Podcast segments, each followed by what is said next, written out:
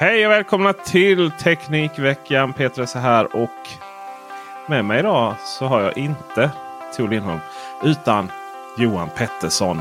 Hej Johan! Hejsan Peter! Hej hej hej!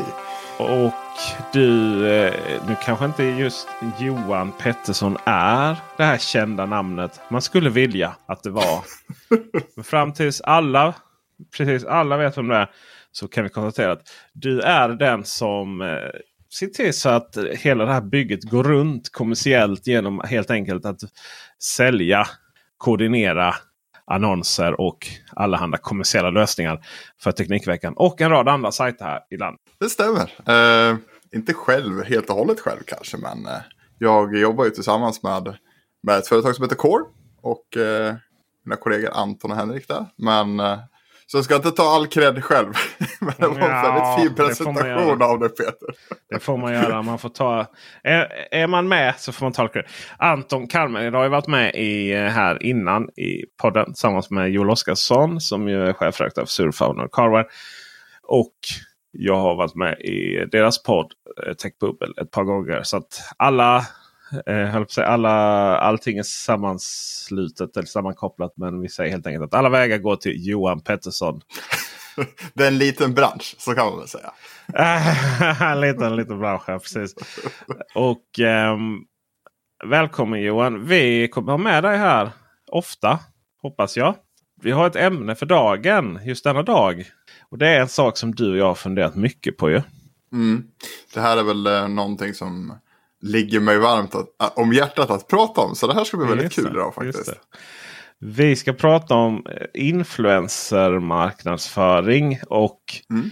Eh, kanske framförallt eh, influencermarknadsföring som, som det finns stora brister i. Ja, alltså precis. Det är ju, vi ska titta lite närmare på marknadsföring. Alltså då tänker vi lite så här att marknadsföring på det man brukar kalla för digitala medier, alltså hemsidor och sajter och alltså det som känns som traditionellt. Men också det som är, det är fel att säga nya, känner som mig som en gubbe. Men, men eh, Snart är man att, att annonsera eh, och köpa utrymme på, eh, på sociala medier är också en viss eh, typ av digitala medieannonser. Men just influencers, att gå direkt till dem och handla. Eh, Eh, olika typer av utrymme och så. Ehm, det är väl lite det vi ska kolla närmare på idag och eh, kanske min förhoppning är väl att kanske så ett frö hos många att eh, börja fundera lite kring ehm, vad det är, vad det är som är ehm, en bra, vad, vad är bra reklam? Och vad är det som säger att någonting måste vara dåligt? Och vad finns det för varningssignaler som man kanske ska dra öronen åt sig till när man hör eller ser de här typerna av eh, signalerna. Eh. Jag minns när jag var lite yngre och höll på med det här och så, så började jag prata om influencer marknadsföring. Det var bara så, men vad är det liksom? Jag menar, för det kan ju inte vara typ att du får massa pengar för liksom en Instagram-bild. Uh, det är helt orimligt tänkte jag. Va? Va? Jag menar vadå? Alltså du vet, vi fattar inte begreppet. Men... Eh... Det kan vara så att du inte kunde riktigt förstå och greppa och att liksom så här, eh, den effort som du skulle göra var ju så liten för att få pengar. Ja, just det. Det är oftast den kopplingen man tänker typ så här. Om du sitter vid fikabordet med, med ett gäng människor så om man halkar in på det här. Eh, då låter det ofta så här. Ja men du vet Bianca Ingrosso hon får 50 000 för att lägga ut en post på Instagram. Och så slutar diskussionen där. För att det är bara där, där man har läst i kleti och pleti media någonstans. Liksom. Nej visst är det så. Va? Och, och stackars influencers som, eh, som fejkar att de äh, åker runt för de har så mycket att göra som inte ens hinner vara på stället som ska förväntas fota. Men om vi börjar i andra änden. Vad är det för typ av reklam som du säljer? Till mig och till andra. Eller ni då. Eh, ja. Att du inte ville vara så. Du vill inte vara så jag vill inte roffa åt mig Det var äran. Storartat. Nej, precis. Nej, nej. för, för, för någonting som jag inte har, har eh, rätt att roffa åt mig äran helt och hållet själv för. Eh, jag jobbar som du sa Peter med, med eh, sälj och koordinering och leverans och rapportering eh, inom framförallt eh, tech.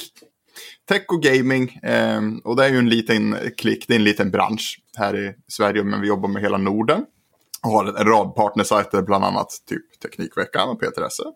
Um, ehm, och vi hjälper alltså de här sajterna med att hitta bra kunder, det vill säga kunder som vill nå ut med relevant marknadsföring för de här sajterna. Um, men också även till viss del streamers uh, och influencers. Då, um, där vi kan hitta relevanta Eh, samarbeten, annonser och olika typer av aktiviteter. För det här kommer vi nog prata lite mer om sen, just när vi pratar relevans. Eh, men det är i alla fall väldigt stora grova drag vad jag gör på företaget som heter Core. Eh, våran, vi är ju sprungna ur att vi själva har jobbat i, i den här lilla klicken, i den här industrin. Ankdammen utav svensk techmedia. Eh, för ni är sprungna och, ur Nordic Hardware? Ja, precis. Det fanns liksom ett, ett väldigt synligt och tydligt behov egentligen från alla i branschen som jobbade med att skriva och rapportera och, eh, och eh, testa och cementera olika saker på, på olika digitala magasin på nätet. Allt från datorprodukter till ja, men, tv och ljud och allting. Um, alla de tyckte att det var svårt liksom att dels kunna göra det fullt ut samtidigt som man har påknackningar på dörren från olika eh, kunder som vill annonsera på sajten man har. Eh, och vill köpa utrymme och de här bitarna. Så ska du bolla där samtidigt som man ska göra till exempel tester och man ska göra olika nyheter och sånt. Så jag är sprungen utan Nordic Hardware själv, jobbat som skribent i många år och på, se, på sista åren där så var jag redaktionschef och, eh, och styrde mycket över testverksamheten då, så att eh, vi fick ut mycket, väldigt så mycket tester vi ville få ut helt enkelt. Um, för att kunna liksom stötta alla intresserade och communityn med bra konsumentinformation om vad man ska köpa för datorprylar helt enkelt och vad som man ska hålla sig borta från.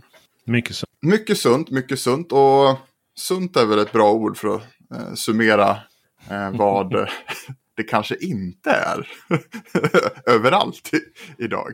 Eh, det har hänt väldigt mycket på typ 5-6 år. Eh, det finns, som jag sa, det fanns ett väldigt stort behov eh, av eh, alltså kunder vill annonsera på svensk och nordisk techmedia. Eh, alla som jobbade med de här sajterna kände ungefär likadant att ja, man måste få en balans i det här. Ehm, då startades Core och jag hoppade på Core-tåget för cirka tre, fyra år sedan. Och har hjälpt till på heltid med att, styra det här då med eh, annonsering. Ehm, för våran grund vision och stöttepelare är ju den här biten att eh, det finns ingenting som säger att reklam måste vara något dåligt. Det tycker jag säger cementerar ihop det rätt så bra. Att reklamen som vi vill hjälpa till att eh, distribuera ut så att den hamnar på rätt sajter gör ju att kunden får bäst resultat. Läsarna som tar del av information på de här sajterna blir ju inte så, ska man säga, för det är alltid ett ingrepp. När det, när det kommer till till annonsering, reklam på din, på din hemmaplan som läsare. Oavsett vad man har för, om man gillar att läsa om tv-apparater eller datorer eller vad man, vad man tycker om att läsa om om dagarna. Så blir det alltid ett, ett ingrepp och vi vill ju att det här ingreppet ska vara så, så smooth som möjligt. Det ska vara relevant. Hoppar du in på Teknikveckan så ska du kunna se en annons eh, som handlar om teknik.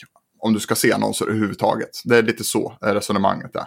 Eh, det ska vara en relevant annons. För det, Annars är det gynnar inte dig som läsare. Eh, och det gynnar inte företaget som annonserar. Och gör inte det så fortsätter man inte annonsera utan då har man bara testat och så försvinner man därifrån. För i grund och botten så som alla förstår så handlar det såklart om pengar. Så då kan man få den här... Ja, alltså det, det handlar om stash. Och, och, och, och, ehm, ett företag vill sälja produkter eh, och då vill man nå ut till rätta målgrupperna och då finns vi med däremellan och hjälper dem. Dels att producera den här reklamen och, men också styra och koordinera den så att det hamnar på rätt ställen. För det är väldigt många som skjuter väldigt bara brett. Eh, och annonserar överallt och bränner pengar på, på helt fel ställen. Och där finns vi med och hjälper till och styr helt enkelt. Eh, och det är, det är väldigt kul för man lär sig väldigt mycket om om hur vi människor fungerar också. Eh, det är inte bara att man tänker så här, här kommer en annons där, då ska jag sätta den på den här sajten för den handlade om det här och sen ska det vara bra, så här får du lite siffror och sen här får du en faktura och sen är callet ändå det dig. Så är det ju inte riktigt det fungerar, utan det är ju väldigt intressant det här att man lär sig väldigt mycket om människor. och Man ser ganska snart vad som funkar bra och vad som funkar mindre bra. Um, och det är ju huvudsak det vi har, ja, det, det, huvudsak vi har jobbat med nu uh, är ju um, det man kallar för digital media. Då. Uh, och, men influencers kommer ju och kommer. Men det är en liten egen genre för sig. Men det är ganska välutforskat nu från vår sida vid det här laget. Och vi har testat lite grann där. Och vi jobbar även med, med olika typer av gamingprofiler och så också. Så att, eh, det ska bli intressant att prata om det här idag Peter. Med, yeah. med just här, om man väger de här två mot varandra. Eh, så kan jag redan nu avslöja för alla. Eh, det kommer inte bli någon cliffhanger utan här kommer svaret direkt. Att det bästa är ju såklart en balans. Ja, just det. Ja, så vet alla det. Så kan man, nu kan man stänga av podden. ja, nu, har jag, nu har jag pratat i snart eh, en kvart här och så har jag redan avslöjat allt. Nej, så är det. En balans såklart. Men vi ska prata om lite grann kanske varför det är bra att ha den här mm. balansen. Mm. Mm. Varför är det bra med balans? För att veta varför det är bra med balans så lär man ju förstå lite grann vad, vad det är som är balans. Eh, vi, jag pratade lite tidigare här om, om relevansen i annonserna. Och och allra först att min förhoppning med det här, mitt besök, första besök hos eh, kära Esse ja, i podden här var att få, kanske få så ett frö hos alla som lyssnar och som hänger på, på alla de här tech-sajterna som, som vi hjälper till att, att driva då rent ekonomiskt helt enkelt. Eh, att ta med sig det här tankesättet att hur man ser på reklam. Eh, vad det är som kanske är en bra reklam och vad som är en dålig reklam.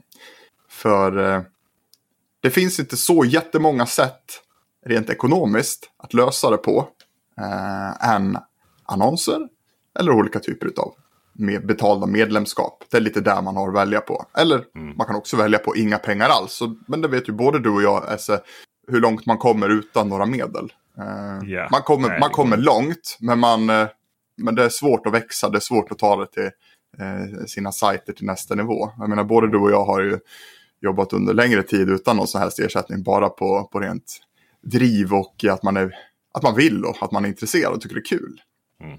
Eh, ja, men, eh, det man har gjort i, i stora, stora flertalet år. Eh, har ju handlat ja. om någon form av jag vet inte, något form av behov av att eh, upplysa. Liksom, att, att, man, att man har det i sig, någon form av empatisk förmåga att förklara hur saker fungerar till andra. Så. Men eh, allt eftersom det handlar om att man inte längre kan leva på nudlar och äh, jobba för andra så, så, blir det ju en ekonomisk fråga naturligtvis. Ja. Det är lite så, för det är svårt att betala räkningarna med eh, tester av laptops och möss och entusiasm. Mm. Du vet, när man får tionde musen så är det inte liksom så. Hotellet tangentbordet så är det liksom inte så Lattjo längre. Nej, man måste fortfarande betala hyran. Ja, som sagt, den är svår att göra med, eh, med eh, ett eldigt driv och engagemang. Utan mm. eh, sist jag kollade så vill fortfarande hyresvärden ha cash. Just så, exakt. Ja. Så eh, ja, det finns ju några eh, sätt att göra det på. Och det är ju eh, antingen gör man allt redaktionellt. Har en helt, alltså allt görs såklart helt redaktionellt, alltid. Men antingen så gör man det helt gratis, utan några annonser, ingenting. Ehm, och då kommer man bara så långt, vill jag mena. Eller så gör man det med, med olika betalda ehm, Patreon-lösningar, det vill säga att man har members som betalar månads eller veckovis eller sådär för, för att ta del av innehållet. Ehm, funkar för vissa typer eh, av eh, ska man säga, kanaler och sajter. Ehm, och hur, hur, stora behov man har av eh, att ha någon ekonomisk uppbackning i det man gör. Ehm, och sen det tredje och vanligaste skulle jag säga är väl helt enkelt att man jobbar öppet med annonsering. Mm. Och eh, det är väl där vi är med de flesta. Kör du några, har du några Patreon-lösningar du idag? Alltså, mm. för, för dina? Denna podden bland annat är ju Denna podden? reklamfri om man är Patreon och eh, då och då lite extra material. Mm. Eh, vi ska bygga ut det också så att eh, få lite rabatter och sånt. på. Eh, jag har ju jobbar ju på Vendora nu så där vi har Lifestyle Store. Där Ah, Vendora är en distributör av produkter. Men det finns, ju, ah. det finns ju den egna butiken också. Så där ska vi erbjuda lite rabatter till Patreon och så. Så vi ska försöka bygga upp det. Men... Eh, Sånt där är skitbra. Men det är svårt och det är tufft som sagt. Det, ja det är det. Det är tufft och, Det är ju en liten, eh, det är ju, det är ju också bara liksom mer.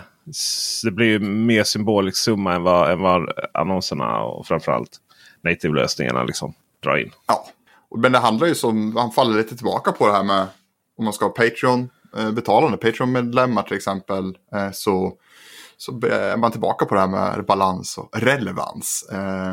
För det är ju som så att vi, man tappar mycket av de här följarna eller subscribers och så. Eh, om man inte har relevant innehåll. Jag menar, mm. håller, skulle Teknikveckan börja köra annonser hej vilt, alltså köra riktig vilda västern. att man får serverat både tandkräm, eh, trosskydd och laptops eh, på samma sida liksom då tror jag att man tappar lite förtroende. Eh, I alla fall man som läsare känner ju att det bäst blir störigt med reklamen. För den är inte relevant. Just så, den passar liksom så. inte in. Artrosreklam. Klassiker. Ja. ja. Så, eh, alltså, det, är så, det blir så tydligt. Jag tror alla, nu när jag säger det, kanske känner att det är ju exakt så. Jag hoppas väl att man känner så. För jag vet ingen som, jag har hittills i alla fall inte träffat någon Eh, eller kunnat få prata med någon som, som har sagt att jag tycker det är fantastiskt när man blandar och skjuter vill, alltså hej vilt med annonser på en sajt. Som, det, man är där för att besöka, för att läsa någonting som sajten har skrivit eller rapporterat om eller man är nyfiken om det på det senaste. Eh, annonserna finns där för att stötta rent ekonomiskt så sajten kan finnas och man ska kunna fortsätta skriva saker då ska den som jag sa förut vara, ska, ska, vara, ska vara så ett litet ingrepp som möjligt i, läsarens besök på sajten. Eh, och ska det vara ett ingrepp så ska det vara bra helt enkelt. Eh, så det här med relevans är extremt viktigt när, eh, när vi på Core och jag tittar på hur, hur vi ska placera olika annonser och vad det handlar om för typer av produkter eller tjänster, vad det är för typ av företag. Ja, helt enkelt var rätt sak på rätt plats helt enkelt. Och så finns det olika typer av annonsering att göra. Allt från, man tänker allt från en vanlig, helt vanlig bannerannons på nätet då. Eh, till, eh, som du var inne och touchade lite på det här Peter, med att man kan skriva olika typer av native content. Det är kanske inte alla som vet vad native content är. Men det är alltså i alla fall när man gör eh, till exempel en artikel som man kallar för sponsrad artikel. Eh, där man tittar närmare på någonting Och samtidigt lyfter en produkt som kanske är lämplig för det typet av scenariot eller området som man pratar om. Det, namnet native content berättar ganska mycket om vad det är. Det ser, det ser ut och är ett innehåll som passar sajten helt enkelt. Det ska kännas som ett innehåll som du hade annars normalt sett också hittat på sajten. Vilket eh, är då såklart en produkt som rimmar är väldigt bra med hur vi tänker och hur vi säljer eh, annonslösningar. För vi vill ju som sagt att relevansen ska vara extremt hög. Så då blir det väldigt mycket native content. Det är egentligen ett ganska felaktigt ord ändå. Jag tänker native content borde ju vara grundinnehållet, det redaktionella på sajten. Förstår du vad jag menar? Ja, ja, om man ska desi, desi, desikera ordet så, bara så, här, så, så känns det som att, ja okej, okay, native content är ju i så fall inte reklam. Ja, just det. Precis. Men utifrån reklamverksamhet då så är ju native content reklam som är som native content. Mm. Och det finns, ju, det finns ju lite diskussioner där också. Alltså det vill säga trovärdigheten på det. Mm. Det vill säga att många missar att det är reklam. Men någonstans så, så är det ju så mycket snyggare reklamannonslösning än, än de där trosskydden. Liksom, ja. på tekniksajt. Det blir ju så. Det blir ju så att det passar ju bättre. Men det, det stannar ju inte där bara för att vi plockar in en, vi ska skriva om en dator då till exempel. Eh, göra en cool artikel om en, om en, da, en ny dator till exempel. Eh, de flesta som äger på de här sajterna är ju väldigt, man, man är väldigt uppdaterad, man är väldigt medveten, man har koll på datorer. Så hur skriver man en bra annons om, om en ny laptop till exempel? Eh, det är väl här utmaningen ligger och det är väl här som jag känner att vi på Core då kanske sticker ut eftersom vi har väldigt lång erfarenhet i samma bransch som vi jobbar i. Vi brukar säga det, vi är ju vår egen målgrupp och det hjälper väl oss väldigt mycket. Eh, när vi ska ta fram de här olika idéerna och vad vi ska jobba med för typer av eh, native content som det heter så fint. Det vill säga att man ska skriva eh, en artikel som, eh, som hade passat på sajten. Och det här, då kommer vi in lite grann på någonting som också för oss tillbaka till de sociala medierna och influencersna. För ska vi prata lite i större drag kring, kring native content eller annonsering. Eh, så eh, var ju du inne på det här med trovärdighet Peter. Och här är ju någonting som är väldigt intressant. Eh, när, är någon, när är man trovärdig och när är man inte det? Och då finns det några saker som, som jag har snappat upp i alla fall de senaste åren som typiska varningsklockor. Eh, speciellt då om man tittar på, ja, det gäller både eh, digitala medier, alltså de här sajterna som, som vi jobbar med, men också rent generellt då appliceras också direkt på sociala medier och influencers. Och, och det är ju det här med att eh, supertydliga första eh, varningssignaler man ska kanske kolla på. Det är väl användandet av superlativ. Vad tycker du om det Peter? alltså kan, kan vi... Det finns väldigt många sätt att bara direkt känna att, att det luktar liksom. Eh, mm. det, här är, det, här är, det här är så köpt och uh, att man... Allt är fantastiskt. Det. Ja, Allt är fantastiskt. Det, det är så... Det är, det, om vi ska titta på svensk eh, liksom, annonsering så, så om du hör någon börja med det bästa och det här yeah. är det bästa och det här är det bästa. Det är en sån definitiv form av liksom att du har verkligen förklarat för någon att det finns ingenting som är bättre än det här. Jag... Eh,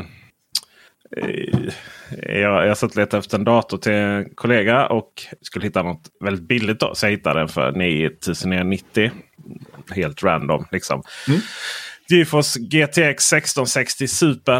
Eh, tre, Ryzen 5 3600. Alltså det, det, här, det här är ju så det här är ju så mediokert så det kan vara, bara bli. Och det är ju det som är syftet också. Mm. En hyfsat medioker dator till en lillgrabb som ska spela Minecraft. Liksom. Mm. Börja med så här. Ge dig själv övertag i e-sport med tävlingsförberedda Rockstrix G15. Den är, den är designad för överlägsen gameplay med kylning i toppklass. Behöver inte kylning på den processorn. Alltså det, är så här, det, det, finns ju ingen... Det finns ju ingen... Eh, det finns ju Förstår ingen du varför de behöver hjälp Peter? Ja men exakt. Det är så här. Uh, det, här det här man hade istället kunnat skriva, eller om, om vi hade skrivit, eller vi säger jag, alltså för jag är ju, det roliga är att jag är ju med och skriver många av de här nativesarna också. Då, ja. så det, liksom, det går lite rundgång. Eh, då hade man kanske skrivit så här. Den här datorn är en bra instegsmodell just för den unge spelaren som vill som vill eh, öva sig inför liksom, de kommande e-sportstävlingarna framöver när man blir lite äldre. och sådär, liksom. Ja, det är det det handlar om. Det, det, går ju att plocka ner, det går ju att plocka ner det vad vi vill ha sagt till mera, ja. till mera alltså, genuina ord till vad det här faktiskt handlar om. Och vad, det, vad den här produkten är bra på. Och eh, mm när vi pratar om annonsering på de här sajterna som, som svensk techmedia eller nordisk techmedia överlag. Så vi nordbor är ju väldigt medvetna. Eh, ja. Och ska vi, om vi utgår från att vi är väldigt medvetna så kan man ju bara tänka sig hur medvetna målgruppen är som hänger på de här sajterna som Teknikveckan. Och, oh, alltså, de, de, kan väldigt mycket om, om, om det mesta om teknik. Eh, mm. När det kommer till, åtminstone det, det basic stuff, det här grundgrejen då blir annonseringen en annan typ av annonsering. Då är ju inte ta din gaming till nästa nivå. Eh, det är ju inte riktigt eh, en slagkraftig rubrik i, i de här. Men här, här vill man ju mer veta vad är det som är unikt då kanske? Eller vad är det som gör att den är bra? På ett genuint sätt. Snarare ja. än att säga att den har legendariska knappar. Ja, just det. Legendariska knappar. Men det som blir det som är, för det här är ju ganska klassisk native annonsering hos till exempel eh, men de stora drakarna DN, Sydsvenskan och så vidare. Mm. Det här liksom att nästan föraktet för läsarna. Eh, för jag menar, de, stora företag vill, vill eh, berätta om hur fruktansvärt miljövänlig deras i grunden miljöskadliga verksamhet är. Mm. Då skriver man ju det. Greenwashing typ eller? ja precis. Jag menar, det, är så här, det är definitionen av det är det de tjänar pengar på. Liksom. Jag vet inte hur mycket pengar, hur mycket pengar Prim måste ha pumpat in i de här tidningarna. Då. Eh, men klassiskt då influencermarknadsföring tar ju det till ett ännu steg. Du vet, ja. ena, stunden så, ena stunden så har man, pratar man om eh, ja, men det man kanske blivit känd för. Um, jag vet inte, vad kan det vara? Idrott för någon. Smink ja. för någon. Ja. Bara utseende för någon annan. Och sen och sen så står de där liksom och, och ska förklara att uh, ja, men det, är ju, det här är ju inte bara som jag... Jag tycker verkligen det här att den här Asus ROG Strix Republic of Gaming betyder det. För, Strix är den absolut bästa datorn på jorden. Och det är liksom, jag tycker ändå så. Ja. Och sen, sen, Ja. och, och sen har man gjort det samarbetet liksom. Och sen så, sen så är det slut. ja. Så går man vidare liksom. Det, det är ju det här att om man, om man ska försöka, om vi ska ta oss tillbaka till, till sociala medierna och liksom så här. Det här känner jag att här, här kommer vi ha mycket juicy stuff att berätta. Mm. Och vi ska jämföra lite grann med eh, digitala medier, sajterna. Och så ska vi jämföra med sociala medier och influencers. Så ser jag det lite grann som eh, om alla tänker sig en stor fors. Att det är liksom våra, det är vi liksom där, där vi konsumerar våran, vårat content om dagarna. Eh, på våra mobiltelefoner framför allt. Eh, så bara forsa det här. Och de här sajterna som Teknikveckan och Nordic Hardware och Surfa, Feber med flera. Det är liksom de här små bakvattnena i forsen. Det är lite lugnare. Eh, man vet vad man har i de här bakvattnena. Eh, mitt ute i forsen, där det liksom är så strömt och det är bara ett stort brus. Där har vi sociala mediernas alla influencers som alla bara gapar. Men, och det, är liksom, det går så fort och det bara flödar på och det flödar på. Det tar aldrig slut. Det tar aldrig slut. Och i de här bakvattnena, de här små pölarna i sidan, där det är lite lugnare. Dit kommer man för att liksom ja, vila en stund eller göra det man ska helt enkelt. Eh, titta på det man vill titta på. Eh, och så ger man sig, när man känner att man har blivit uttråkad där, då ger man sig ut i forsen igen. Liksom. Ja. Ja. Och då är det, jag tycker det beskriver ganska bra eh, vad det här är för två olika typer av kanaler att vara på. Och då är det ju så här när det kommer till annonsering, reklam och content eller kalla det vad du vill. Betalda olika typer av betalt, betala för räckvidd i de här, på de här olika ställena så, så är ju influencer-biten ett gigantiskt brus. Eh, så vad, vad, vad ska du göra bra med det? Du, du, eh, det krävs ett enormt engagemang. Eh, för att du liksom ska upp, bli uppmärksammad och fortsätta bli uppmärksammad i sociala medier. Då. Eh, och då är vi tillbaka där igen. Då måste det vara relevant och det måste vara genuint. För oavsett om det är en tech-sajt eller om, eller om en influencer så är de bästa annonserna helt genuina. Eh, och det är ju egentligen både för publiken, sajten eller influencern eller annonsören. Eh, för det är ju lite så här, hur många gånger har du sett Peter, någon kanske på Instagram som har eh, gjort reklam för en produkt där man säger att det här är den bästa, men personen i fråga använder inte ens produkten. Nej, alltså varenda Android-annons ever. Ja. För alla använder iPhone liksom. Ja, Um, ja, du du hade ett roligt exempel också. Uh, var det Daniel Wellerton va? ja. Det, det är ju ett, många kommer ihåg det här klockmärket som för några år sedan gick stenhårt på Instagram framförallt. Alltså sociala medier och framförallt Instagram då gick ju stenhårt med Daniel Wellington-klockorna. Eh, jättefina snygga klockor. Eh, och det var jättestort eh, bland de här riktigt stora heta målgrupperna. Eh, och vad, alltså, jag sa ju det till dig häromdagen, alltså vad tog de vägen Peter? Varför? Det, puff, det försvann. Det. Och det är ju att de var ju verkligen den här Michael Phelps som orkade simma i forsen. Eh, mitt i forsen, hur länge som helst. Bara Ja. outtröttliga. Trodde man. Men sen till sist bara så här, de orkade nog inte simma längre. De var nöjda där. Kanske rent businessmässigt, jag vet faktiskt inte. Eh, så de slutade simma där. Eh, kanske ställde sig i något bakvatten eller bara slutade simma och drunknade liksom. Eh, försvann eh, i bruset. För jag har ingen aning, jag ser dem inte mer. Så eh, det var väl ett på, något sätt. De finns ju kvar. Det går nog rätt bra också tror jag. Men det är klart att eh, det är också rätt roligt för de här klockorna är ju. Jag kollade lite, jag sålde en annan klocka på Tradera. Så här, de har ju Mm. inget värde. För det finns inget emotionellt värde överhuvudtaget. Nej. Och eh, så. Men det är inte så stick i den reklamen. Kan man inte säga. Nej, men det är ju ett sätt att göra annonsering på. Och det är ju också så här, man ska inte säga att det är... De gjorde det där riktigt bra. Det gjorde de, absolut. Ehm, för de var verkligen top of mind hela tiden. Och de gjorde det på ett Vi sätt som... pratar ju om dem nu. Ja, ja, exakt. Men det var ju för att det bara så här, jag började knåda det här med sociala medier, influencer, marknadsföring när vi började bubbla om det här, att det här borde vi snacka om. Eh, att det här är typiskt sånt brand. För jag tänkte så här, vilka brand finns det? Finns det något brand man kan ta upp som har gjort en, en så här riktig försökt att göra en impact och sen har man börjat släppa grepp och så puff försvann det. För det är den här forsen. Um, men ändå, det blir inte är, så långsiktigt. Nej, men ändå är det ju det som är vår någonstans. Du vet, vi ser, vi ser kampanjer som har varit så självklara mm. hos oss. För att det är liksom rakt upp i målgruppen. Och, och sen ser vi liksom folk som annars, influencers som inte annars kanske är så här jättetäckiga. Gör någonting. Ja. Då, då undrar man ju vad är det för fel på oss då?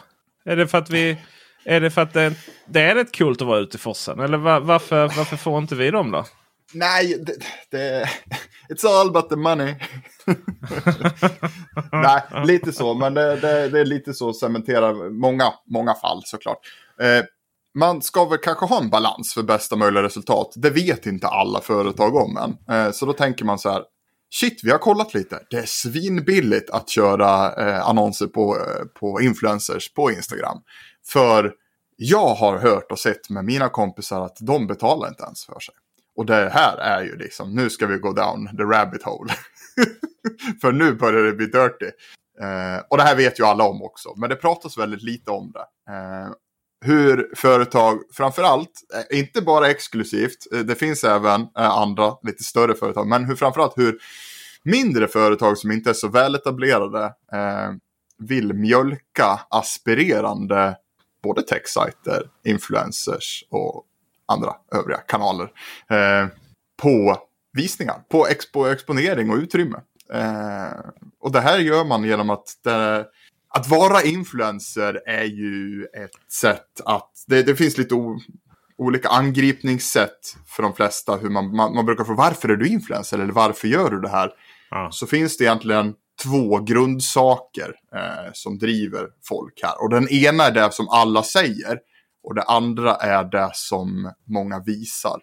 Eh, och det första som jag nämner här är ju det att de flesta säger att man vill liksom inspirera, bygga ett community, eh, träffa likasinnade, ja, helt enkelt bonda på nätet med likatänkande människor eller folk som som håller på med ungefär samma saker som du gör och det är ju helt fantastiskt. Det är det vi har gjort i så, så många år, liksom, Peter, med, eh, med det redaktionella och, och liksom. Vi, det, är ju ett, ett väldigt stadigt driv eh, att kunna berätta för någon att nu har jag testat det här, den här var inte bra, köp inte den, eller den här var faktiskt bra, kolla på den. Eh, det är ju det som egentligen alla säger. Varför, man, eh, liksom, varför har du den här Instagram-kanalen? Varför, varför lägger du upp så mycket tester på de här prylarna eller det här sminket? Eller så här. Ja, men det är ju kul att berätta för andra vad som är bra eller dåligt mm. och sådär. Och, och hjälpa andra liksom. Det är bra.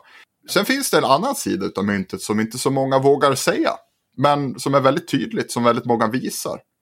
Och det är att man gör det här mest för att man, eh, man vill räkna då bekräftelse i form av likes och subs och mm, mm, att eh, se, att se samma, antal samarbeten eller de här typen av samarbetena tillsammans med de här värdena med likes och prenumerationer som en, vad ska man säga, en linjär utveckling av framgång och eh, vatten på din kvarn om att jag har vuxit och blivit en bättre eh, person.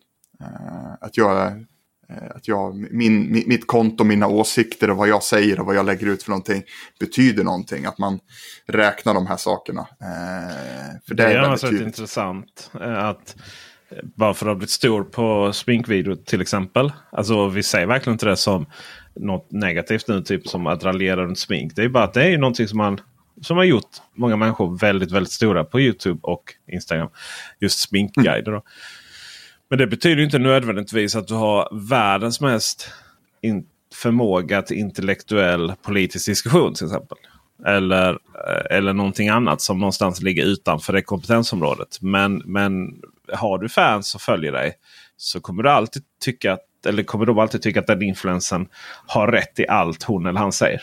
Ja, Så det är extremt kraftfullt på det här sättet att göra eh, enstaka nedslag i den här forsen. För att du vet ju själv hur det är Peter, för att försöka vara med i det här bruset så måste man ju hela tiden vara uppdaterad. Det funkar inte så bra att vara en, eh, Insta-profil eller en social profil överhuvudtaget och sen gör man ett nedslag i månaden eller ett i halvåret. Det, det duger liksom inte. Det, de här sociala plattformarnas algoritmer kommer bara direkt kasta dig i, i soptunnan. Liksom. Du måste vara där hela tiden. Man får jobba lite, ja. precis. Ja. Eh, och så att göra ett, ett litet nedslag, eh, ja, kan generera några klick, några sälj. Absolut, eh, beroende på omfattning och hur många man når ut till. Eh, problemet, och det jag tycker är så shady med det här, det är att man, man angriper ju inte i första hand, alltså om jag som sitter på mitt företag ska sälja min produkt, så kan jag ju tänka så här att jag ska gå till de största.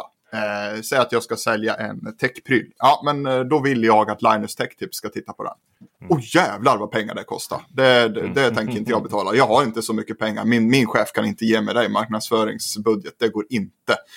Även om det är där man vet att man kanske skulle nå ut till flest personer. Eh, så då börjar man titta på vad finns det för andra options som är typ som, som honom. Eh, och sen till slut är man så långt nere i det här kaninhålet.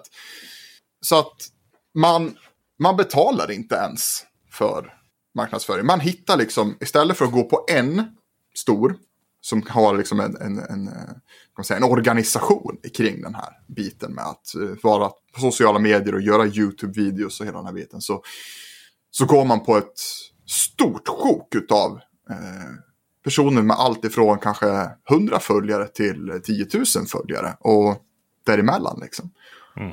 Och försöker bara få allting det här gratis på alla möjliga sätt. Eh, du får, eh, alltså det finns så, det finns så snåla modeller på det här så det är helt otroligt.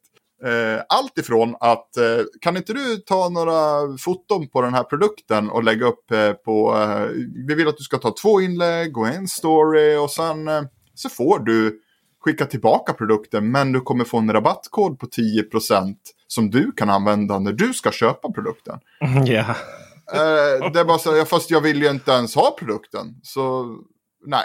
Och redan där ska man ju såklart tacka nej till. För det, det här, nu, nu, nu, det, det här liksom också är kuggen till. Ja, självklart kommer företagen försöka få marknadsföring som kostar så lite som möjligt. Och då är det här effektivt.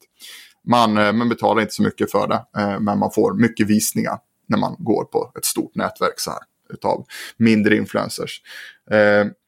Problemet är att det här skadar ju alla andra som försöker jobba med att ge någonting relevant och faktiskt att få betalt. Det är lite grann som de här som banden som spelar gratis.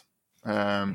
Det gör ju lite grann som att typ, så här, kan, kan inte ni komma och spela på min 30-årsfest? Eh, Folk kommer ja, se er ja, folk kommer se er liksom. Eh, det är exakt samma grej som händer här med, med alla influencers då. Som är. Problemet är att det tas också, man, man gör det för på grund av det här jag nämnde förut. Att man ser antalet samarbeten som en linjär utveckling på ens framgång. Eh, mm. Att kunna i, i, i, den här, i deras bransch med deras människor som, som, som, som håller på med samma sak uppmärksamma att ah, men nu har eh, Kalle Karlsson ett samarbete med, eh, med företag X och Y. Jag har inte haft något eh, samarbete på tre månader. Eh, är det ingen som tycker om mig? Eh, betyder inte jag någonting? Är inte jag viktig? Eh, det är lite så det, det kokar ner till. För man accepterar tydligen att göra långa samarbeten endast i utbyte mot en produkt. Och det här är ju helt fel. Här måste man ju måste man ju våga stå på sig och våga inse sitt eget värde. Och det handlar, alltså även om du, har du hundra följare Peter, som är genuina, så är de så mycket mer värdefulla än om du har 5000 mm. helt, helt ointresserade följare. Som du har raggat till dig för att du har haft eh, några tävlingar. Eh, för folk vill ha free stuff, så är det alltid. Mm. Eh, men det här är ju inte någonting som, så funkar det inte i annonseringsbranschen, utan då tittar man ju mycket på vad har du för, för, för reach då? Eh, hur många når du ut till? Ehm, och varsågod, här får du en gratis produkt. Som man inte ens tycker om, som man inte ens använder. Eh, som man säljer på marketplacen. Ehm, så att det för oss in på det här med att betala för sig. Eh, det här är ett sätt som många företag, jag, jag, ska inte nämna några vid namn, men det finns väldigt många små som gör det här som vill etablera sig. Jag tror att det här är sättet att de vill göra en Daniel Wellington helt enkelt. Gå från okända till jättekända. Eh, på väldigt kort tid. Eh, det vill många göra och eh, det är inte bara små uppkommande företag som gör det, utan det här händer även hos stora etablerade företag. Och eh, då börjar man fundera eh, seriöst, ni omsätter så här många miljarder dollar om året och ni ska ha gratis annonsering från personer Då är det ju som... någon mellanchef som liksom, Ja. du vet, är så som människa. Är ju säkert så privat också. Och så Mm. ser man liksom på eh, marknaden här. Liksom. Det finns ju massvis. De borde ju vara glada att de får jobba med oss. Du vet det här Exakt. liksom. Om man inte riktigt förstår vad man är i, i världen. Liksom. Det är ju så här, det är ett privilegium att hålla på med våra produkter. Nej, men era Ja. produkter är ju exakt samma sak som alla andras. Med en annan logga istället. Liksom. Det finns Ja. inget unikt med vad det nu kan vara. så. Nej, det blir lite av en narcissistisk bubbla från de här företagen på något sätt. Liksom. Att man Ja. så här, ja men du borde vara glad att jag hör av mig till dig. Ja visst. Ja, visst, visst, visst. För då, ja. då kommer vi in på det här Peter som, som du och jag brukar bubbla rätt mycket om. Att betala för produktion. Det händer Mm. ju knappast. Det är endast bara de största influencersna som får betalt för, för produktion. Om de gör en, en ett längre video eller om de liksom eh, ens...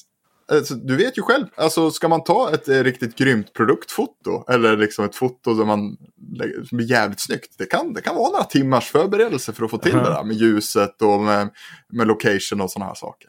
Jag har ju inte tänkt på det förrän nu när jag började jobba heltid igen. eh, På riktigt. Eh, Det här liksom att men om jag ska göra någonting, så här, en produktion, alltså om, om det är en, liksom en sponsrad video. eh, Då, då behöver jag ju ta en dags semester eller två.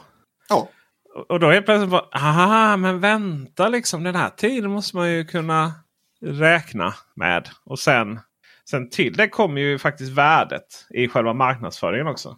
Mm. Så att det är ju eh, det är nog nu folk som blir liksom hör av sig. Oh, men, det, men det, är för det är ofta så. Oh, vi ska kunna göra något kul ihop. Liksom. Och sen så slutar det med att ja men eh, eh, liksom, så en affiliate ja. Lösning. Affiliate-länk. Ja, kanske att du får Varför- varför en voucherkod på... ja, ja, men varför, skulle, varför hela friden ska jag ta hela risken? Alltså, Ja. What's in it for me? Så, där, där- förstår man nog inte riktigt sin position. Eh, så, eh, alls faktiskt. Att eh, sorry liksom. Ni har ingen ni har liksom ingenting att komma med. Och det är ju det som är så sött också när de när man någonstans inser att okej, nu har vi. Ja, men för egen del så, så har det ju varit väldigt så. Det har varit bra att bli. Alltså jag, har, jag är ju väldigt pryltrött. Jag är så Ja. extremt pryltrött. Känner, vet- känner du den här entusiasmen av att bryta plast på en ny förpackning? Ah, du ja, känner men du du den att, så här- "Åh, det här... Fem, femte robotdammsugaren. Och I princip alla likadana liksom. Mm. Det är så här. Alltså det finns ingenting. Det finns ingenting som eh, lockar med det. så kan det vara diskussioner. Ja men så får du behålla. Ja eller så tävlar vi ut den. Liksom. Ja. Kan vi göra en grej av det? Liksom? Ja, men. Ja, ge redan tillbaka till någon. Eh, ge någonting tillbaka till den publiken som har varit med och Ja. stöttat den hela vägen. Det, det kanske Ja, kan just- vara en bra idé. Liksom. ja men Eh, precis. Så det är ju, nej, men det är ju oerhört, oerhört eh, viktigt att, att faktiskt förstå sitt värde där tror jag. Men, men också från också från för jag kommer tillbaka till det här att annonsmarknadens behov att tänka annorlunda. Alltså du vet beställarna där. Att, Mm. att, att göra någonting stort som man sen kanske... Alltså det, det, det, den här rundgången tycker jag är ju sjuk. Företag A som ganska enkelt hade kunnat bara annonsera hos oss. Genom att slänga en Mm. massa pengar på Bandit och Native. Och kanske en annons hos mig. Eller en eh, produktion hos eh, Peter Esse Youtube. Och sen istället så ser man liksom att man har skapat, det kommer något pressmeddelande då ifrån press. För det är väldigt viktigt att förstå att marknadsavdelningarna på de här bolagen och pressavdelningen det är inte samma. Det är helt två olika saker. det- Marknadsavdelningen Helt köper reklam och eh, press hör av sig till Alltså PR hör av sig till journalister med redaktionellt material. Ett sätt att höra av sig, ett sätt att liksom, det verkar vara så att man tror sig kunna göra någonting speciellt då. Så tänker PR-byrån ut liksom, ja, men vi ska göra, vi ska göra det kommer alltid sådana här pressmeddelanden som eh, vi har tagit fram ett speciellt sound här till våra högtalare liksom för att fira kanske någonting. Typ så. Ja. Och så är det en story bakom och så har det tänkts massa. Och sen så kommer det ett pressmeddelande för det. Och det är så här, fast vi skriver ju inte om det här. Det är ju ingen nyhet liksom, att ni har tagit fram ett speciellt sound här till er soundbar. Liksom. Och så tänker man om inte vi skriver om det, om inte Teknikveckan skriver om det som skriver liksom om kreti pleti pressmeddelande om det verkar lite spännande eller om vi har tid över. Vem tusan skriver om det då? Och liksom, var, när, sen när de utvärderar de här, så här, vad utvärderar de? Någon måste ju liksom på något sätt försöka komma fram till att ja, det här var en bra kampanj. Och, ja, någon måste utvärdera det i slutändan. Ja, och eh, vad kommer man fram till då? Och, och, och, varför ska det alltid vara så konstlat? Jag vet eh, egen del då liksom när jag... jag är ju marknadschef nu. Alltså. du, ja. du har insights. Ja, men då, och, och jag kan ju ha lite diskussioner liksom på jobbet. Så här, ja, men vad, vad, ska vi nå ut? Och då kan det, det kan finnas vissa tendenser då liksom att man vill liksom nå ut till segment som man inte tidigare nått ut till. Då, liksom. och, och, och, och, det, är ju, det är ju en diskussion för oss att hålla internt. Så. Men eh, det jag, som, det jag bara nu när iPhone 13 lanserades. Ja. Uh, så, så tänkte jag liksom så här. Okej, okay, men vilka köper iPhone? Ja men det är ju folk som är Apple-användare. ja, ja, det är, det är liksom ganska logiskt. Ja. De hänger ju i Apple-bubblan på Facebook. 11 000 människor ja. som liksom är, lever och andas Apple. Och vi säljer på Vedora säljer iPhone-fodral. Så, då är det så här.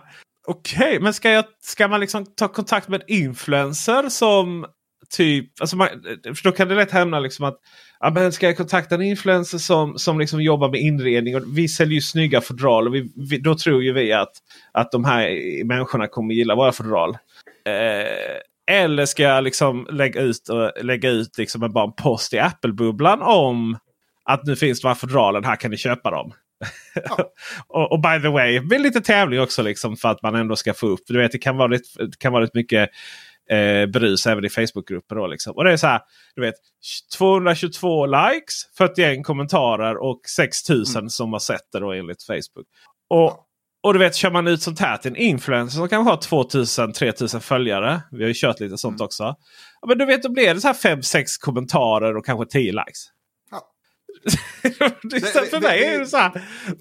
Det är det här jag brukar, jag, jag, brukar hamna här Peter, med, med liksom så här, när vi pratar med för det låter kanske lite enkelt ibland när man säger att äh, jag jobbar som säljare. Du vet, då ringer jag till min eh, tech-kund här och sen säger jag nu är det dags att annonsera lite så får vi lite pengar och så får vi lite annonser och sen är allting guld och gröna skogar. Det är ju inte riktigt så enkelt det är.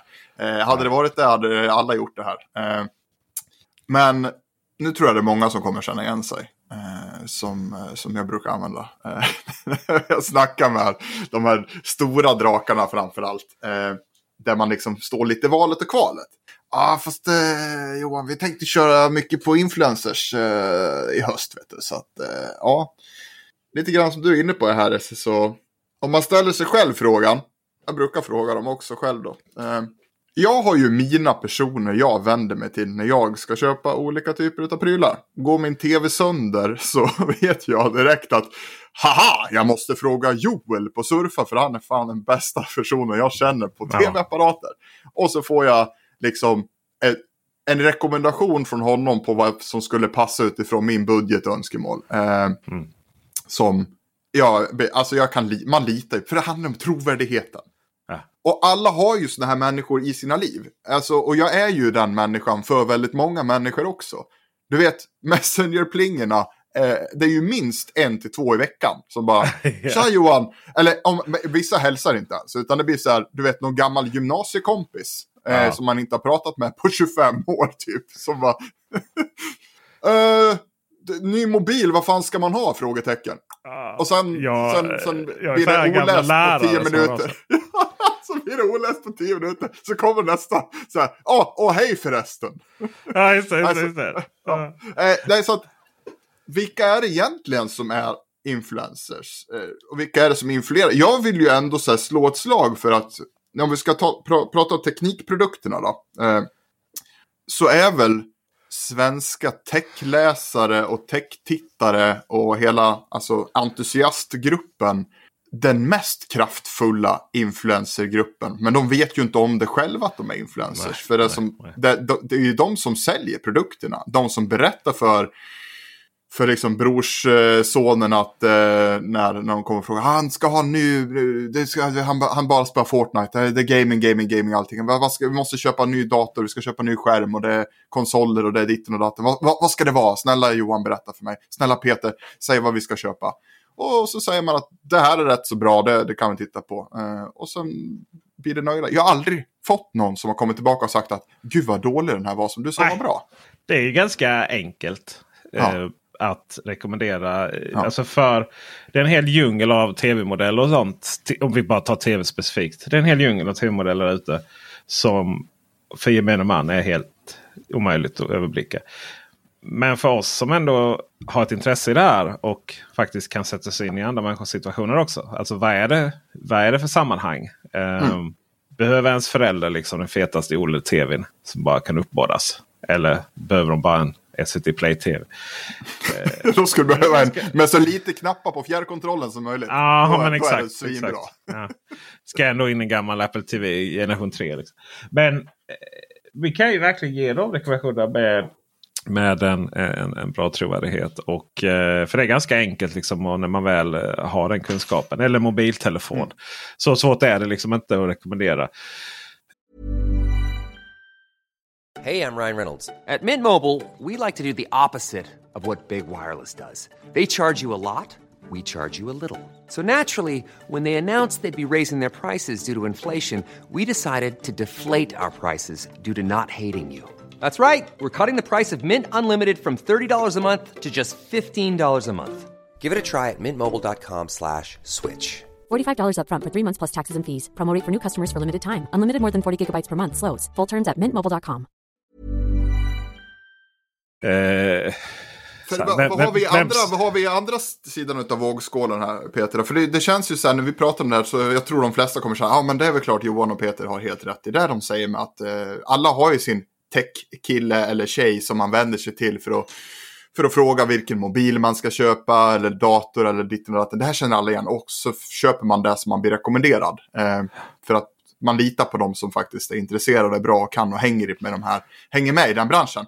Mm. Eh, I andra sidan vågskålen så har vi ju då de som pratar och visar upp de här produkterna som egentligen inte är, det är inte relevant och inte trovärdigt. Och hur många litar på dem? Då tänker jag så här Peter, eh, bara så här, för att ta något aktuellt och dagsaktuellt eh, utan att hänga ut någon. Som en, att köra typ smarta hemprylar och sådana saker hos skidåkerskor. Eh, ja. Eh, ja. Är ju ett sätt man kan göra på. Men jag, jag vill ju tro att man får inte lika många genuina eh, sälj. Alltså om det ens är någon som, som, som liksom Men... kommer ta sig längre än att man kanske tar sig till själva produktsidan för att läsa lite till om produkten. Men, men du är ju inte där rent eh, teknologiskt så har du inte riktigt koll på vad det är du läser. Du, du känner att det blir för avancerat, du, du släcker ner. Eh, jag har en eh, bekant som de flyttat till ett nytt hus. Och eh, de är väl sådana som om de följer någon så är det väl typ paddelinfluencers liksom. Mm. Om det nu finns några sådana. Eh. Paddelpandemin alltså i Sverige. ja, pandemin. Och, eh, och det var ju uppkopplat då att du kunde styra, jag tror det är played. Eh, det vill säga trycker du flera gånger mm. så händer så. Du kan styra mobilen. Det första de gjorde var att anlita en kompis som var elektriker typ och bara stängde av allting. Ja. Jag menar, har du ett intresse har du inte. Att använda influencers som inte är, har en trovärdighet, som inte har ett intresse, som inte liksom profilerar sig inom teknik. För att sälja teknik. Det är som att använda Peter Esse för att sälja kläder. Där har vi det. det, har vi. det var och den liksom en, och, och sen, sen, sen är det naturligtvis så att i vissa sammanhang fungerar det ju till exempel att menar, när Volvo gjorde den här Zlatan-reklamen. De mm. sålde så in i Norden många gamla XC70. Alltså den här bilen. Som så, 15 år gammal plattform. Den är ju så gammal. Den är nedlagd nu. Alltså de sålde hur många som helst. Och Samsung mm. säljer otroligt många tv-apparater också. Eh, på grund av Zlatan. Och det är ju för att de människor som gör de här inköpen vill vara Zlatan. Ja. Men frågan är om de här som gör de köpbesluten, oftast männen då i familjen. Mm. Eh, kan man tycka vad man vill om, men så är det. Frågan är om de vill vara Bianca Ingrosso. Och, det skulle vara kul om de ville det. och eh, de som vill vara Bianca Ingrosso kan göra, men i den stora massan är det inte de som gör ink tar inköpsbesluten runt teknik. Och de kanske inte heller är jätteintresserade av det. Utan de vill bara ha den senaste iPhonen. Ja. det Vilket gör det extra roligt då varje gång som eh, en sån här person ska göra reklam för någonting annat. Huawei, vi tittar på er. Och sen så postas det från iPhone. Ja, det, det, det kan bli lite tokigt ibland.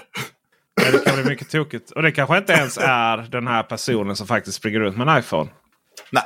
Eh, och eh, Men jag tycker det här är intressant också då Peter. För då är vi inne på en annan aspekt när, man, när vi pratar det här med trovärdighet som är en väldigt stor punkt i, i hur man gör en bra annonsering. Eh, vi pratar ju, vi, känner, vi raljerar ju mycket om så här dåliga exempel. Jag tycker även vi ska försöka få till lite bra. Det du säger med Zlatan, när han gjorde det med Volvo, sålde extremt mycket Volvo-bilar. Och det såldes väldigt bra med Samsung-apparaterna. han, när han eh, sätter sitt face där också. Eh, ja. det är ju mycket för, precis som du säger. Men det är också väldigt mycket för att Zlatan gör inte så många reklamer. Så när han gör dem så lyssnar man. Eh, Ja. Och tittar man. Och det är ju också det här, då är vi inne på balansfrågan. För då tittar vi på influencers så, helt ärligt alltså, det är ju rätt många av de här lite större som har vuxit till sig. Där företag verkligen vill annonsera för det finns bra räckvidd. Men det kanske man ska tänka på, hur mycket reklam tål jag innan jag börjar ifrågasätta liksom, så här, integriteten eh, hos den här personen. Ja. För är det liksom ett sponsrat inlägg om dagen, om allt möjligt, mellan, ja, visst. då, då, då, då kanske jag ska dra öronen åt mig och tänka, är, är den här personen verkligen, liksom, kan jag lita på det den, den här personen säger? Eller är det verkligen bara in for the money och sen säger han vad pengarna säger att han ska säga? Ja. Och, ja, ja, ja. och jag menar det finns ju, det finns ju sådana exempel. Om vi tar Huawei igen. Så till exempel kör en stor kampanj och sen så när den är slut sen så går, och så går Sara Larsson ut och bara säger att eh, det ska sägas att eh, det här postar iPhone eh, inlägg, Huawei reklam. Det var ju inte Sara Larsson, det var ju Gal Gadot. Ehm, och jag vet ju, alltså det räcker ju att se på Gal Gadot. Alltså, det är klart att har en iPhone-användare. Det kan man ju räkna ut med lillfingret. Liksom. Eh, I vilket fall som helst så... Sen kan det ju vara liksom byrån som postar med sin iPhone istället. Det, det kan ju liksom, ja, vet. Men i alla fall. Eh, så eh, Sara Larsson låg Nej, det var inte liksom det smartaste jag har gjort. Alltså du vet, snacka om och Sen var väl den ganska... Sen var väl den intervjun en ganska resonabel och bra intervju. Så. Eh, sen tog, som i vanlig ordning tog man ut och jag skapade rubriker av det. Men, men du vet, den rubriken den decimerar ju hela det miljonsamarbetet. Ja. På två röda. Japp. Och, eh, sen, sen, sen tyckte jag ändå det var... Jag gillar ju Sara Larsson och eh, jag gillar Huaweis svenska organisation och, och gillar produkterna. Sen finns det ju väldigt mycket att prata om Huawei. Liksom, men, så, så det var ju ett bra samarbete. Så, så det var ju korrekt på alla sätt och vis. eh, faktiskt. Men Mm. om, man, om man ska jobba med superinfluencers liksom, och att, kändisar och sådär. Eh, men det, det, det säger väldigt mycket om risken f- med det då. Sen har vi ju till exempel, om vi går tillbaka till Bianca Ingrosso. Hon har ju, hon har ju noll Alltså jag kan respektera henne som människa, individ och entreprenör något så oerhört mycket på ett helt annat sätt än vad jag till exempel kan respektera Isabella Löwengrip. Så många gånger Isabella Löwengrip har blivit påkommen och ljuga rakt ut. Men eh, att tjäna pengar på att marknadsföra produkter om intimhygien som är direkt skadligt för ens intimhygien. Eh, alltså vadå parfym för underlivet liksom. Sluta lura in. Alltså du vet. Fan, du, kommer, du kommer ha en hel generation unga tjejer liksom med svamp i underlivet. Eh, och illaluktande flytningar på grund av att du marknadsför de här grejerna. Och sitter liksom och, och du vet ska ut... Alltså du vet när man ska göra någon form av så här feministisk Um, ja, det blir ju platt fall liksom. För att ja men du vet det så här liksom. Jag står unga på kvinnor att, liksom. Du vet det är så här. Ja. Jag, jag, pratar liksom, jag kan prata om, om, om kvinnligt underliv här utan att tycka att det är lite pinsamt och jobbigt. Och, och sådär. Jag är modern kvinna liksom. Och just det gör vi, och, och, och, det gör vi i samarbete med ett företag som typ förstör liksom. Mm. Oh, det gör man, man Ja, och hade man då genuint brytt sig och varit intresserad i den här frågan så hade man använt produkterna och insett själv att det kanske inte var så bra. Och då hade man ju valt att inte säga och göra de här sakerna. Utan snarare tvärtom. Berättat ja. för allihopa att man inte bör köpa och använda den här för det orsakar problem. Um, ja. Men man bara gör, man bara kör. För lite tillbaka där, det är ju bekräftelse, det är likes och det är prenumerationer och antal samarbeten med hur stora och välrenommerade företag man får till eh, är det som räknas som en slags linjär framgång. Men jag raljerar inte och säger att det gäller alla influencers. Det finns väldigt en klick där ute som, eh, som har lite värdighet och värderingar kvar. Eh, för det handlar ja. i slutändan om, så här, för att vi ska liksom komma, knyta ihop den här säcken på något sätt, att eh, våga säga nej, liksom. Som influencers och som liksom en digital profil där ute. Så kommer du, när du har byggt upp en följarskara, en målgrupp. För ofta så börjar många sådana här kanaler på ett genuint sätt. Med ett genuint intresse. Eh, men mm. många sticker iväg eh, på, för ren, av rent kommersiella anledningar. Liksom. Eh, men våga säga nej och våga ta betalt för produktion och våga ta betalt för din räckvidd. Ehm, för det skulle jag säga, det, det går ju åt båda håll. Det här är ju bara sunt för marknaden, för företagen och för dina följare och tittare och för dig själv. Om du törs ta betalt och törs inse ditt eget värde. Att våga säga att ja, jag har inte jättemycket följare. Så att där får ni faktiskt, det blir billigt för er. Men jag är jätteduktig på att fota. Titta till exempel på de här grejerna. Eller jag är duktig på att skapa film eller roliga klipp. Eller vad man nu är duktig på. Våga ta betalt för det. Ja. Eh, om inte annat så, jag har ingenting emot att man byter tjänster istället för pengar. Men då ska det ju vara relevant för, för både dig själv och dina följare. Och liksom, även den ja, som ska jag, ge dig den här... Fråga Per Josefsson på Philips. Eh, ja. Jag är beredd och eh, jag är beredd att till och med sälja en njure för att han ska skicka ner en 77 tums OLED Ambilight TV till mig och sätta på väggen. Det här är ingen snack om. Uh, by the way, jag ska ha 100 000 för den videon. Perra. Så. Nej, nej. Ge mig den Per! Ge mig den! Ja, lilla gubben. Jag ska kolla på den rätt så många. Men ge mig den! Ja, men då är det ju genuint. Men, det är där jag menar. Alltså, det, man kan ja, det är genuint. Om det är ja, något som är genuint är det det. det är det som är genuint. För då behöver man inte byta stash. Och då har man ju träffat helt rätt. Problemet är att alla företag tror att de träffar helt rätt. Men det gör de inte. De träffar allt som oftast helt fel. Eh, man tror att det här är en eh, homerun alltid när man vänder sig ja. till influencers. Men det är ju så långt ifrån en homerun. Det är bara i de här fallen som det är okej okay, tycker jag att byta tjänster. Är jag en, eh, en skidåkare så är det ju fullt relevant och alltså, om jag älskar Salomon skidor att jag ska ha Salomon sponsorskap blir ju bara ett checkbox. Fan vad gött att ha det klart liksom. Eh, det, en, liksom det, det gynnar alla jag, om jag gillar de skidorna då. Eh, ja. Och samma sak med spela e-sport i ett e-sportlag. Det här har också visat sig flera gånger påkommet. Eh, att de eh, e-sportlag är sponsrade av eh, typ Logitech men alla använder Zoe-möss liksom. Eller, eller SteelSeries-möss eller liksom. Hur, eh, alltså det är ju inte genuint. Men, men ändå så är det så här. Man köper bara annonsplatser eh, och glömmer bort vad det är som är genuint. För Alltså man köper ansikten på en kartong. Men de här personerna på kartongen använder inte ens produkterna. Nej, Nej det är ju så. Det är ju så. Uh, jag har sen ett annat problem också. Uh, från mitt håll. Och även uh, alltså e-spottare kommer ha det problemet. Och även um, bilrecensenter och sådär.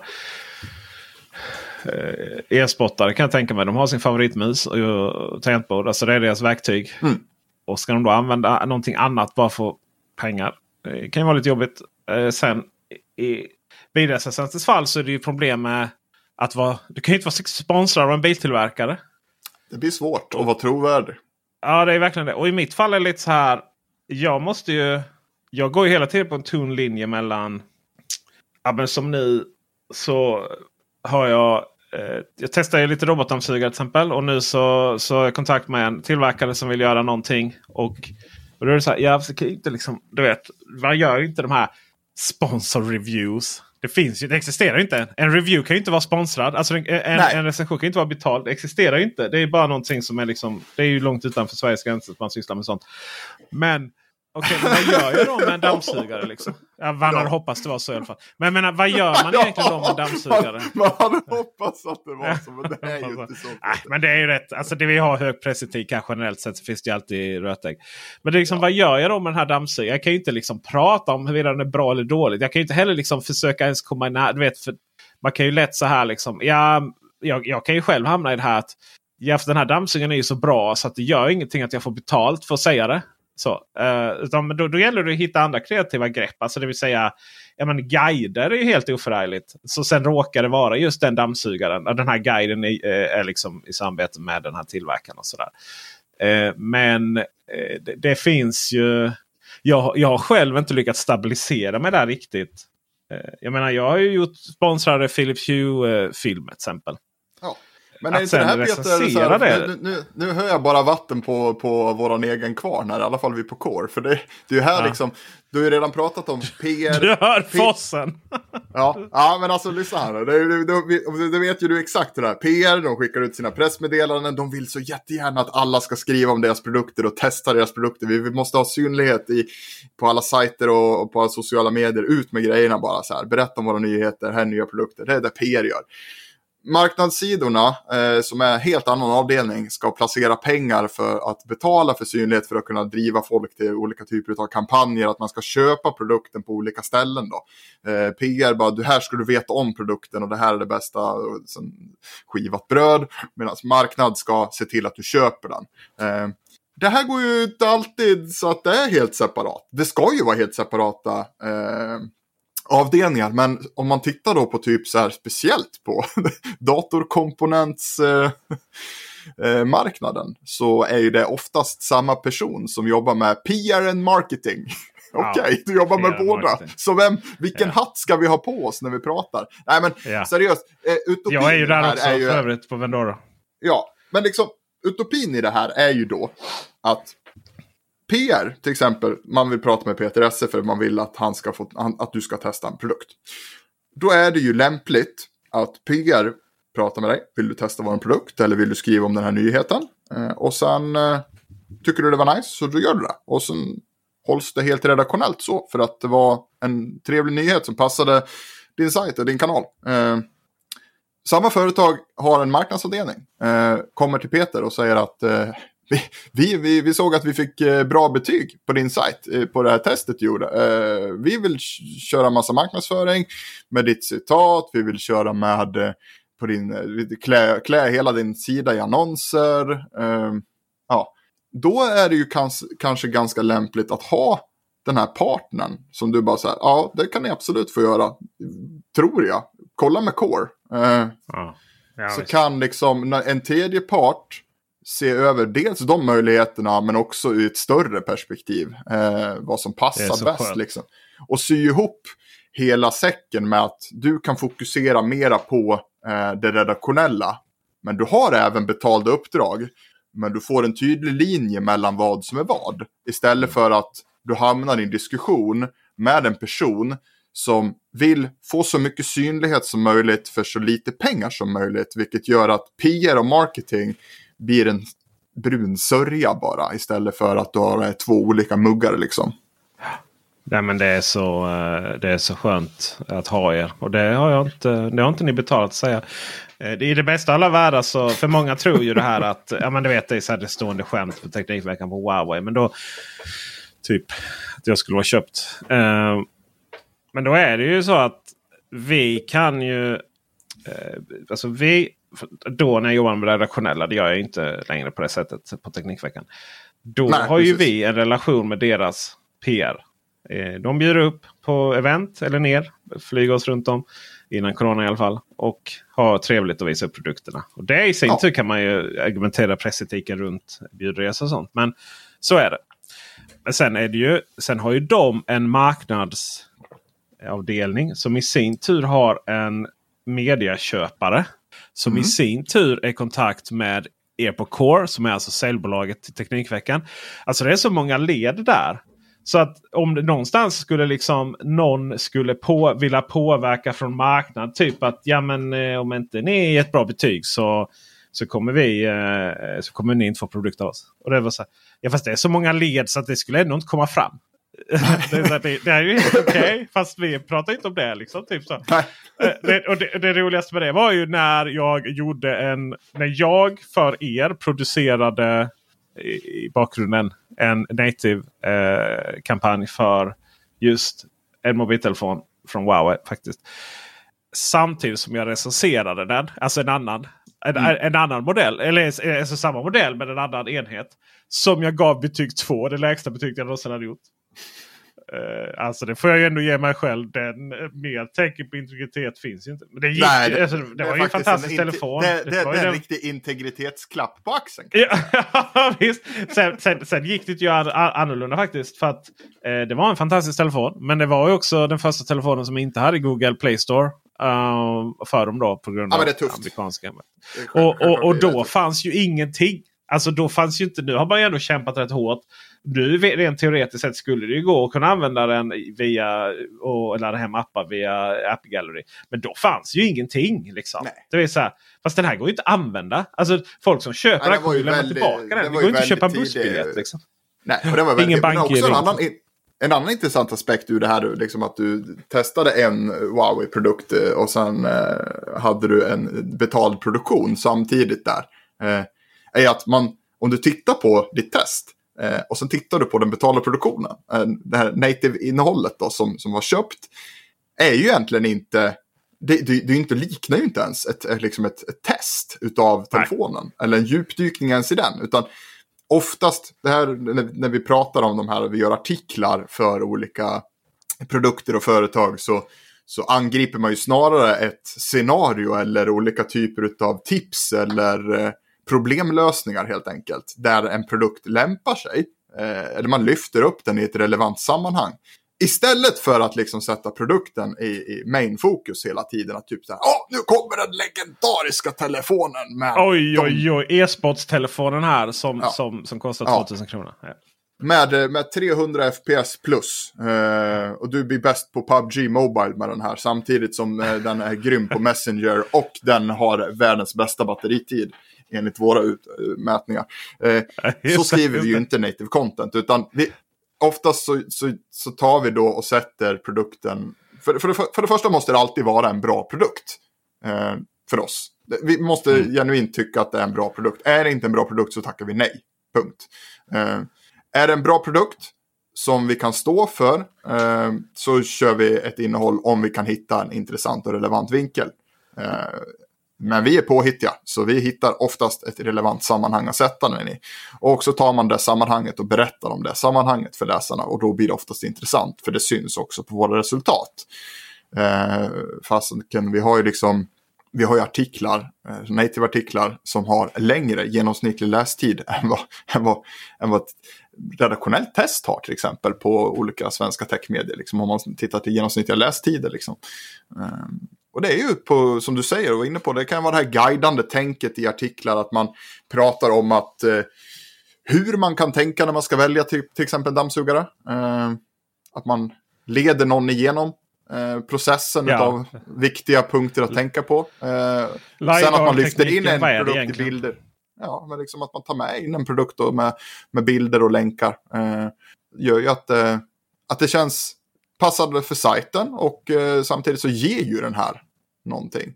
För det är ju så här, all, all reklam, vad är det som säger att reklam måste vara dåligt? Bara för att det finns, bara för att det finns någon som har, ah, det finns alltid ett vinstintresse i allting, så är det alltid. Eh, men det finns inget som säger att reklam måste vara dålig. Och det finns ju Nej, några som faktiskt gör kolla, bra reklam. Kolla på ICA-reklamen. Ica som ju ja. per definition är dålig i och för sig som reklam. För att det är ingen som kommer ihåg vad, vad det är för produkter. Men den är hyllad på alla sätt och vis. Ja. Jag vet ju inte vad... Den är skitbra. För jag vet inte vad Börje Salming sa. Eller vad han visade upp för produkter. Men jag vet att han var utklädd till något roligt i ICA-reklamen. Och det var lite lustigt. eh, sist jag såg den. Um, så de har ju lyckats. För de har ju liksom ett, etablerat ett koncept. eh, med sin reklam. Eh, och jag tycker att vi har etablerat ett bra koncept och förhållningssätt till hur vi jobbar med, eh, med sponsrat innehåll på, på Core och, och på alla de sajter och personer vi jobbar med som dig, Esse. Att vi har, vi sätter vissa saker väldigt högt och det är trovärdigheten och det är relevansen och att det ska vara genuint liksom. Och det måste alltid ge någonting tillbaka till den som tar emot innehållet. Det sista jag vill det är bara att en läsare ska öppna eh, en, eh, en sponsorartikel och känna att fan, ni lurade mig. Vilket clickbait. Eller ah. shit, eh, där fick ni mig. Fan, jävla annons liksom. Det är det sista det, jag vill. Uh, det, är, det, det är roligt när det är direkt felaktigt. Jag har ju, jag har ju lite så här när, när man har haft eh, de här företagen som kanske använt olika då. Använt Core till något och sen har det liksom funnits någon annons på någon annan sajt liksom, som mm. inte producerar. Du kan gå in och rätta den och skicka den till kontakt. kontakt. Varför? liksom, okay. det, det, här, det här är helt fel. Alltså du vet, så här, ja. du vet när det märks ju att... För, för om man annonserar någon annanstans native som inte är via Core. Så är det ganska sannolikt att den som skriver det inte vet någonting om det som skrivs om. Utan man bara anlitar någon frilans. Liksom, ja. Som kan ena dagen skriva om bilar, ena dagen smink, ena dagen ja. bygglov. Så. Så att eh, där, eh, där har vi det. Vi, eh, halvtimme sa vi. Nu har det gått en timme och 19 minuter så här. Så vi behöver wrappa upp saker och ting. Oj, ja. Eh, det, så här brukar det bli eh, Peter när vi eh, pratar. Du vet, så här, har, du tid, har du tid fem minuter? Har du tid en snabbis? och där försvann Men, en timme av den dagen. Ja, just det, just det.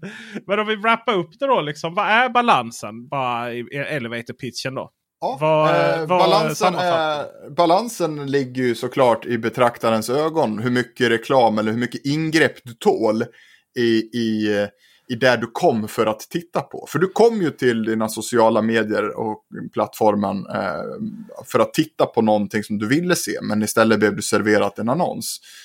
Är det en bra annons och är det en bra annons, hur många bra annonser tål du? Så allt det här ligger ju alltid i betraktarens ögon och öron att be bedöma.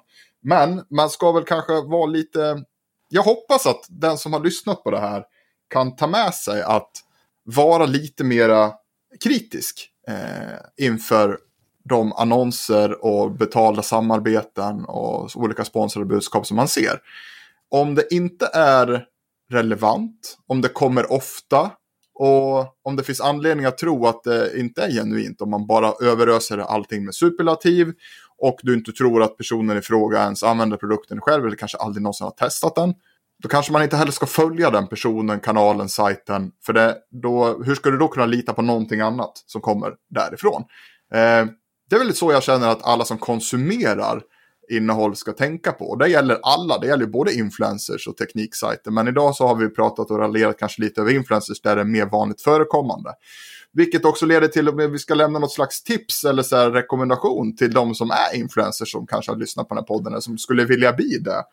Är att stå på sig, att, in, att våga säga nej till dåliga affärer. Att våga ha, uppskatta sitt eget värde, att våga ta betalt för din, eh, din exponering, alltså dina, hur mycket reach du har, våga ta betalt för det du faktiskt ska göra.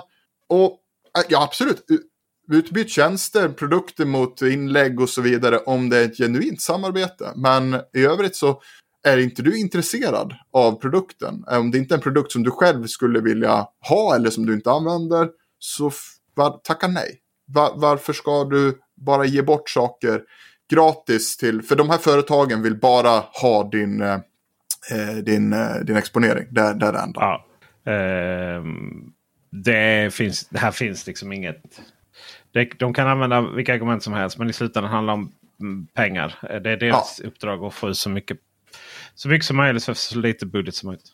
Det är så, det är, man vill ha visningar, man vill ha klick och man vill ha det så billigt som möjligt. Eh, och ju mer relevant du träffar desto dyrare blir det. Eh, vissa företag har ganska bra koll på det här och accepterar det. Det är typ aldrig något tjafs. Eh, när man pratar priser, när man pratar om var man ska gå och inte gå någonstans.